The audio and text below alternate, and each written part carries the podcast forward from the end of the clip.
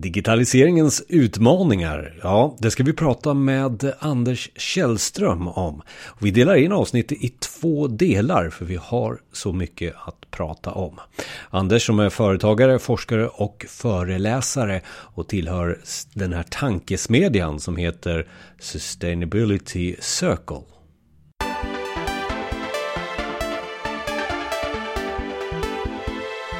Välkommen till Effekten. Det här är digitaliseringens podcast och vi pratar ju om digitaliseringen från olika synvinklar och det här med hållbar digitalisering och industrin, eh, industriföretag kanske vi ska zooma in på idag. Vi, vi får se vad Anders Källström säger. Eh, välkommen till podden. Tack. Eh, Anders, det här med hållbar digitalisering. Ska vi börja någonstans vad du anser är digitalisering för dig? Ja, alltså det är ett jättebegrepp. Alla har ju i princip en dator och en smartphone till allting, både privat och professionellt. Så att digitaliseringen eh, håller på att skapa ett helt nytt samhälle. Och det är nog den, det, det största svaret jag kan ge. Eh, det, alltså, precis som vi gick från jordbruks till industrisamhälle så går vi nu från ett industrisamhälle till ett digitaliserat samhälle. Och, och, vad är det du ser runt omkring dig med, med, din erfarenhet och du har ju varit i, i branschen ett tag också? Ja, alltså det händer så mycket och möjligheterna är så stora. Eh, och då finns ju alla möjliga reflektioner och, och känslor för detta. Alltså, en del blir ju väldigt entusiastiska och säger att man kan åstadkomma väldigt mycket. Eh, många andra reagerar lite frustrerat och säger att vi har problem med våra gamla datasystem. Jag har spamfilter som tar mail som jag ska ha. Kan vi inte lösa det först? Eh, jag har, vi har ett gammalt datasystem eh, som programmerades från början på 70-talet och som vi försöker bygga om och lappa och laga och det fungerar jättedåligt. Så att, å ena sidan så sitter vi med gamla strukturer som är väldigt svåra att rå på och där de som skapade de strukturerna kanske har gått i pension, kanske inte ens finns längre och man vågar inte röra det på något sätt. Å andra sidan så sticker det, ju utvecklingen iväg något alldeles fantastiskt med AI och big data och femte generationens trådlösa internet och sånt där. Så att det, det finns en polarisering på det här området som är ganska smärtsam. Och när det gäller just kanske eh, industri eller större företag och sådär mot snabbfotade startups som bara är digitala. Är det några större, är det, är det mer utmaningar för industrin tycker du? Ja, alltså eh, någon har sagt till mig att egentligen är svensk industri en analog borg jämfört med våra egna barn hemma. Alltså den unga generationen är ju extremt digitaliserad eh, och gör allting via digitala medier. Och industrin är betydligt försiktigare och det, och det finns ju då de här förklaringarna att man, man släpar på en gammal teknik från den tiden som det hette ADB fortfarande och som man inte vågar rå på. Eh, men sen när det gäller framtiden så vet vi alla också att det blir både bättre och billigare om man väntar ett år till. Fast då kommer det också vara bättre och billigare om man väntar ytterligare ett år och så kan vi inte fortsätta. Så att vi, vi står inför liksom dilemman här, när är det dags att köra, när ska man ta risker och om vi kör just nu kommer jag få kritik för det om två år. Eftersom det då kommer finnas bättre lösningar, det kommer det alltid göra. Så att det finns en rädsla kring detta. Ja, vad, vad, vad gör ont? Vad, vad gör ont någonstans? Vad, vad, tycker du gör det mest ont hos eh, svenska industriföretag? Uh, ja, det gör, alltså för det första återigen då det här att man har ett, eh, gammal teknik och gammal teknik går inte att bygga om och anpassa till ny teknik. Och man får inte, man har inte råd att köpa, att göra nytt från början. Det finns en del som säger att Kina som för 30 år sedan, då gick alla skördade ris på ett risfält. Och nu bygger de upp moderna fabriker och de fabrikerna har ju, bygger ju helt på ny teknik. Och där har de en konkurrensfördel jämfört med oss då som har stålverk med maskiner från 40-talet, 50-talet och 60-talet. Så det är ett, ett eh, dilemma av många. Men du tog upp Kina här, är inte de lite tuffare i sin företagskultur? Är det, är det där också vi ska, ska jobba på, bli tuffare eller jobba på ett annat sätt? Alltså det är många, både forskare och konsulter, typ McKinsey och sådana här, som pratar om att, att man upplever att, att den amerikanska öst och västkusten, alltså Silicon Valley, Boston-områdena och delar av Kina är enormt mycket tuffare, går mycket fortare. Och man vågar ta risker och eh, strukturerna, systemen backar upp chefer som satsar fel på ett annat sätt än vad man gör i Europa. Att i Europa är vi betydligt räddare och vi ligger och väntar på att alla andra ska göra någonting. Någon beskrev europeisk management som att vi är flockdjur.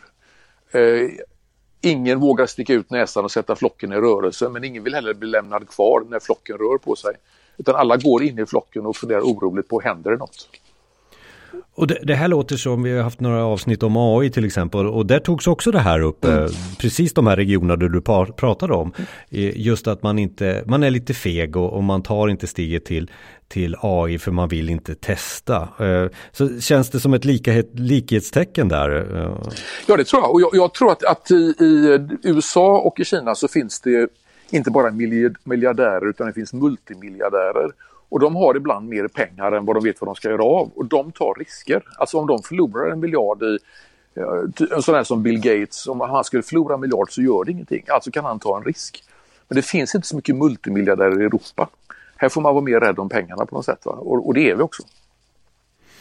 Men det finns ju goda exempel och bra exempel på vad som händer i Sverige också eh, runt våra industriföretag. Så du som rör dig runt, eh, eh ska vi, ska vi ta några bra exempel som du anser är bra exempel på digitalisering?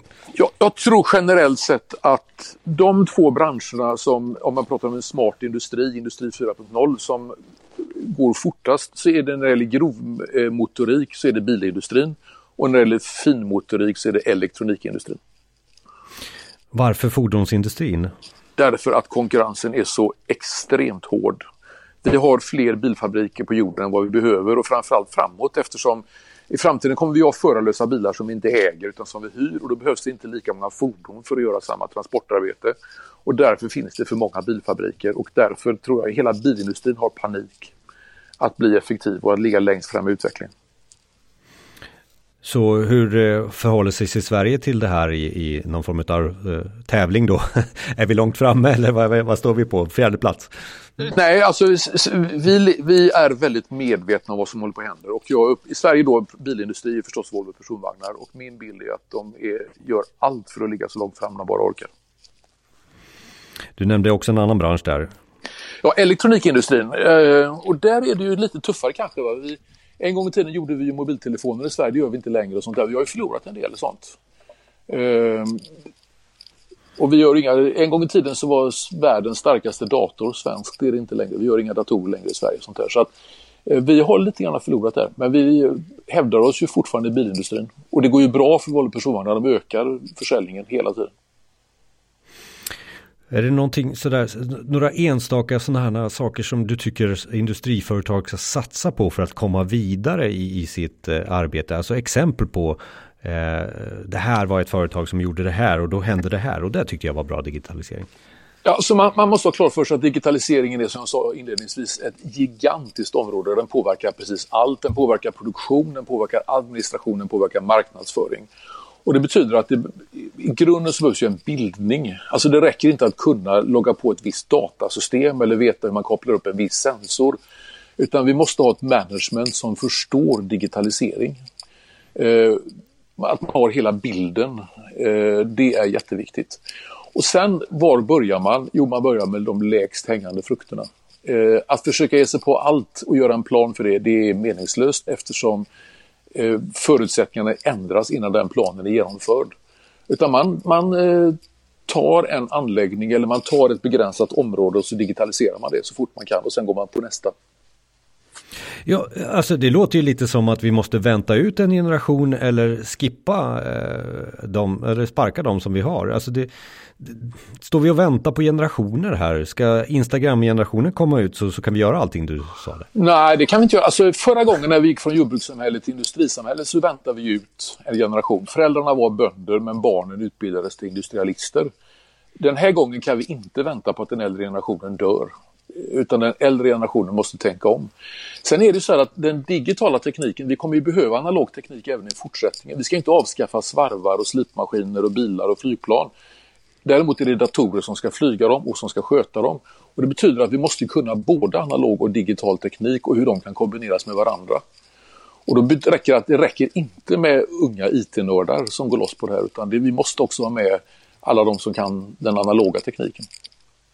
Och eh, jag tror jag också har nämnt eh, när jag pratar med mina kollegor att det här med hard skill och soft skills.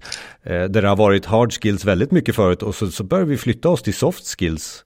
Eh, är det någonting du kan bekräfta också? Ja, absolut. Alltså, digitaliseringen håller ju nästan på att bli en ideologi. En filosofi, en ideologi. Eh, det finns till och med de som har pratat om en framtida teologi. Eh, och det betyder ju att människor kommer naturligtvis vara oroliga för sina jobb, oroliga för sina liv och de kommer att fråga sig vilket parti ska jag rösta på, vilka tankar funkar. Och då är det otroligt viktigt att man kan kommunicera och diskutera de här tankarna. Vad gör artificiell intelligens med våra liv? Homo sapiens är snart inte längre det intelligentaste som finns. Vad, vad innebär det då rent existentiellt att vara människa? Ehm, och sånt måste vi diskutera. Och då, då är det naturligtvis dels måste man ju kunna den nya tekniken och veta vad den kan. Och dels måste man kunna ta diskussioner med olika befolkningsgrupper, olika professioner. Ja, för du tillhör ju en, en tankesmedja och eh, vad är det, är det, ni pratar om tankegods. Kan du, kan du leverera något gods till oss här som, som är en tanke om, om det här? Ja, alltså det finns ju hur mycket som helst. Men om man, om man ska bara välja ett område som jag tycker är jätteintressant eh, så är ju det Eh, prediktionsteknologi. Alltså man mäter allt man kan. Och nu, nu pratar jag egentligen både om exempelvis medicin och teknologi. Det intressanta är att det är nästan eh, exakt samma tankar som finns på båda områdena. In med sensorer, mät så mycket som möjligt, bygga upp data i big data. Eh, sen har man algoritmer som letar efter samband i big data och bygger neurala modeller över detta. Och de modellerna kan man sedan använda för att inom medicin prediktera sjukdomar, exempelvis cancer och inom teknologin kan man för att prediktera haverier. Och det här kommer när det gäller medicin då att bidra till att vi blir 100 år gamla. Och när det gäller tekniken så kommer det bidra till att man kan avslöja fel innan de leder till haverier. Och det, därför är det faktiskt realistiskt att prata om en nollvision avseende haverier i framtiden. Så det här att man står och väntar på en järnvägsstation på att tåget ska komma och så kommer det inte därför att någon kontaktledning har ramlat ner eller någon växel inte går att lägga om det skall tillhöra historien ganska snart. Och, det här är ju många steg i en tanke. Alltså först sensorer, sen ska vi ha data och sen ska vi göra någonting med data. Eh, är alla med på den tanken? Eh, eller får ni, får ni gehör för tanken? Får ni, får ni, kommer ni upp till diskussion? Ja, alltså jag tror att när vi, när vi började prata om detta på allvar runt 2015, det var då man började prata om Industri 4.0 och Internet of Things. Begreppen uppfanns inte då, men de liksom blev kända av alla ungefär då. Då var naturligtvis många skeptiska och många var tysta och lyssnade. Eh, och det är väl först nu då, fyra, fem år senare, som man börjar ställa lite kritiska frågor. Eh, men allting tyder på att det funkar. Så att jag skulle ändå vilja påstå att eh, mognadsprocessen pågår och vi skulle behöva mogna lite snabbare. Eh, det hade varit bra för kon av konkurrensskäl. Men i grund och botten är nog alla positiva och säger att detta går teoretiskt och det kommer att gå praktiskt också. Då är det en temperaturmätning som är ganska mm, ljumment varm då för, för svenska industriföretag. Eh, just gällande den här tanken då? Mm. Ja, och, då, och då, då, är det naturligtvis så att jag uppfattar också att på 80-talet så var företag kanske ofta lite mer decentraliserade. Lite grann efter amerikansk förebild så är företag lite mer centraliserade idag. Och det gör att ledningen måste engagera sig. Eh, ledningen leder och det händer ingenting utan att ledningen säger till att det ska hända och då måste man få tid med ledningen att förklara den här nya tekniken. Och om nu eh, teknologer ute, på, ute i verkligheten förstår det så räcker inte det. Och ledningen säger ju nästan alltid att vi har för mycket att göra och vi ska ju ta i alla frågor och vi hinner inte detta. Nej, men då får ni delegera till någon annan och det gör man inte. Så vi, vi har ett managementproblem idag att eh, Dels det jag sa förut, att det är alldeles för många som är rädda, försiktiga i Europa jämfört med i delar av USA och Kina. Och det andra att det är lite för centraliserat. Eh, och jag vet inte riktigt hur man ska komma runt det. Folk ute i organisationen kan inte göra detta utan att ledningen säger ja. Och för att ledningen ska säga ja så måste ledningen förstå och det tar tid att fatta även för en ledning. Har du något exempel på där det har lyckats? Ja, alltså det exemplet som de flesta pratar mest om det är Fortum som bland annat har gjort detta på kraftvärmeverk. Eh, alltså kan prediktera med hjälp av sensorer, algoritmer och AI. Och, det, och, och, då lyckades man övertyga ledningen först? Ja, och då, då, är ju själva historien att det till och med utgick från ledningen att man har en VD som säger att kör eh, och, och, vill ha förslag. Eh, så att det har nog utgått från en väldigt entusiastisk VD tror jag. Det är min bild. Det här är spännande eh, för att vi, vi, så här på slutet så är det ju den här eh, lyckan till digitalisering, receptet till digitalisering. Så att nu får du den här stora uppgiften Anders att ge oss eh, någon form av tanke. Du har ju redan varit inne på vissa, vissa grejer då. Eh, eh skulle, har du den här tre bullet listan eller hur skulle du säga? Hur ska man lyckas med digitalisering? Ja, jag skulle, det, det är naturligtvis jättesvårt att säga tre punkter och därför tar jag bara två. Eh, och den ena punkten är det här med bildning. Man måste förstå, ha en uppfattning om vad kommer digitaliseringen att göra med våra företag och vad kommer det att göra med samhället. Eh, vi håller på att skapa någonting helt nytt och då räcker det inte att bara förstå en sensor eller ett dataprogram utan det är mycket, mycket större än så. Och det andra är, börja med lågt hängande frukter. Börja med någonting enkelt och få det att funka och sen ta det näst enklaste. Och så gå vidare på det sättet. Och håll ett högt tempo. Och som tankesmedja så, så, förstår jag att eh, ni försöker, ledningen var ett problem. Är det, är det utbildning runt omkring det här också och väcka tankar för att ledningen ska, ska rubbas?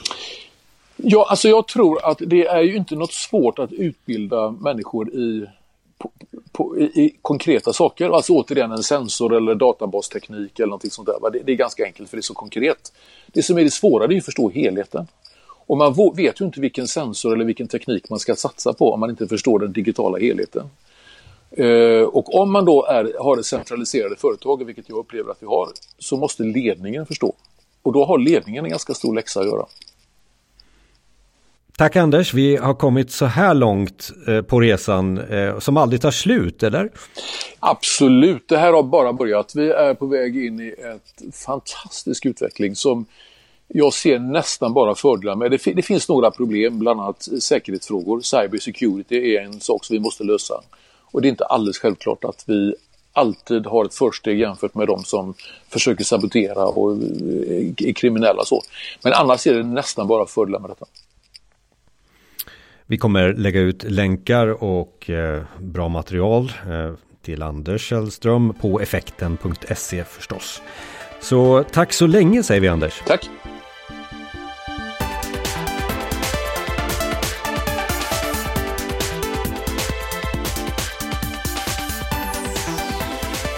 Och Anders hade mer att säga och vi pratade vidare i del 2 som ligger som ett separat avsnitt. Och för dig som har inställt din podcastspelare på att den ska spela upp nästa avsnitt så kommer det här direkt efteråt. Eller annars så går du in och söker upp del 2 utav eh, hållbar digitalisering där på effekten.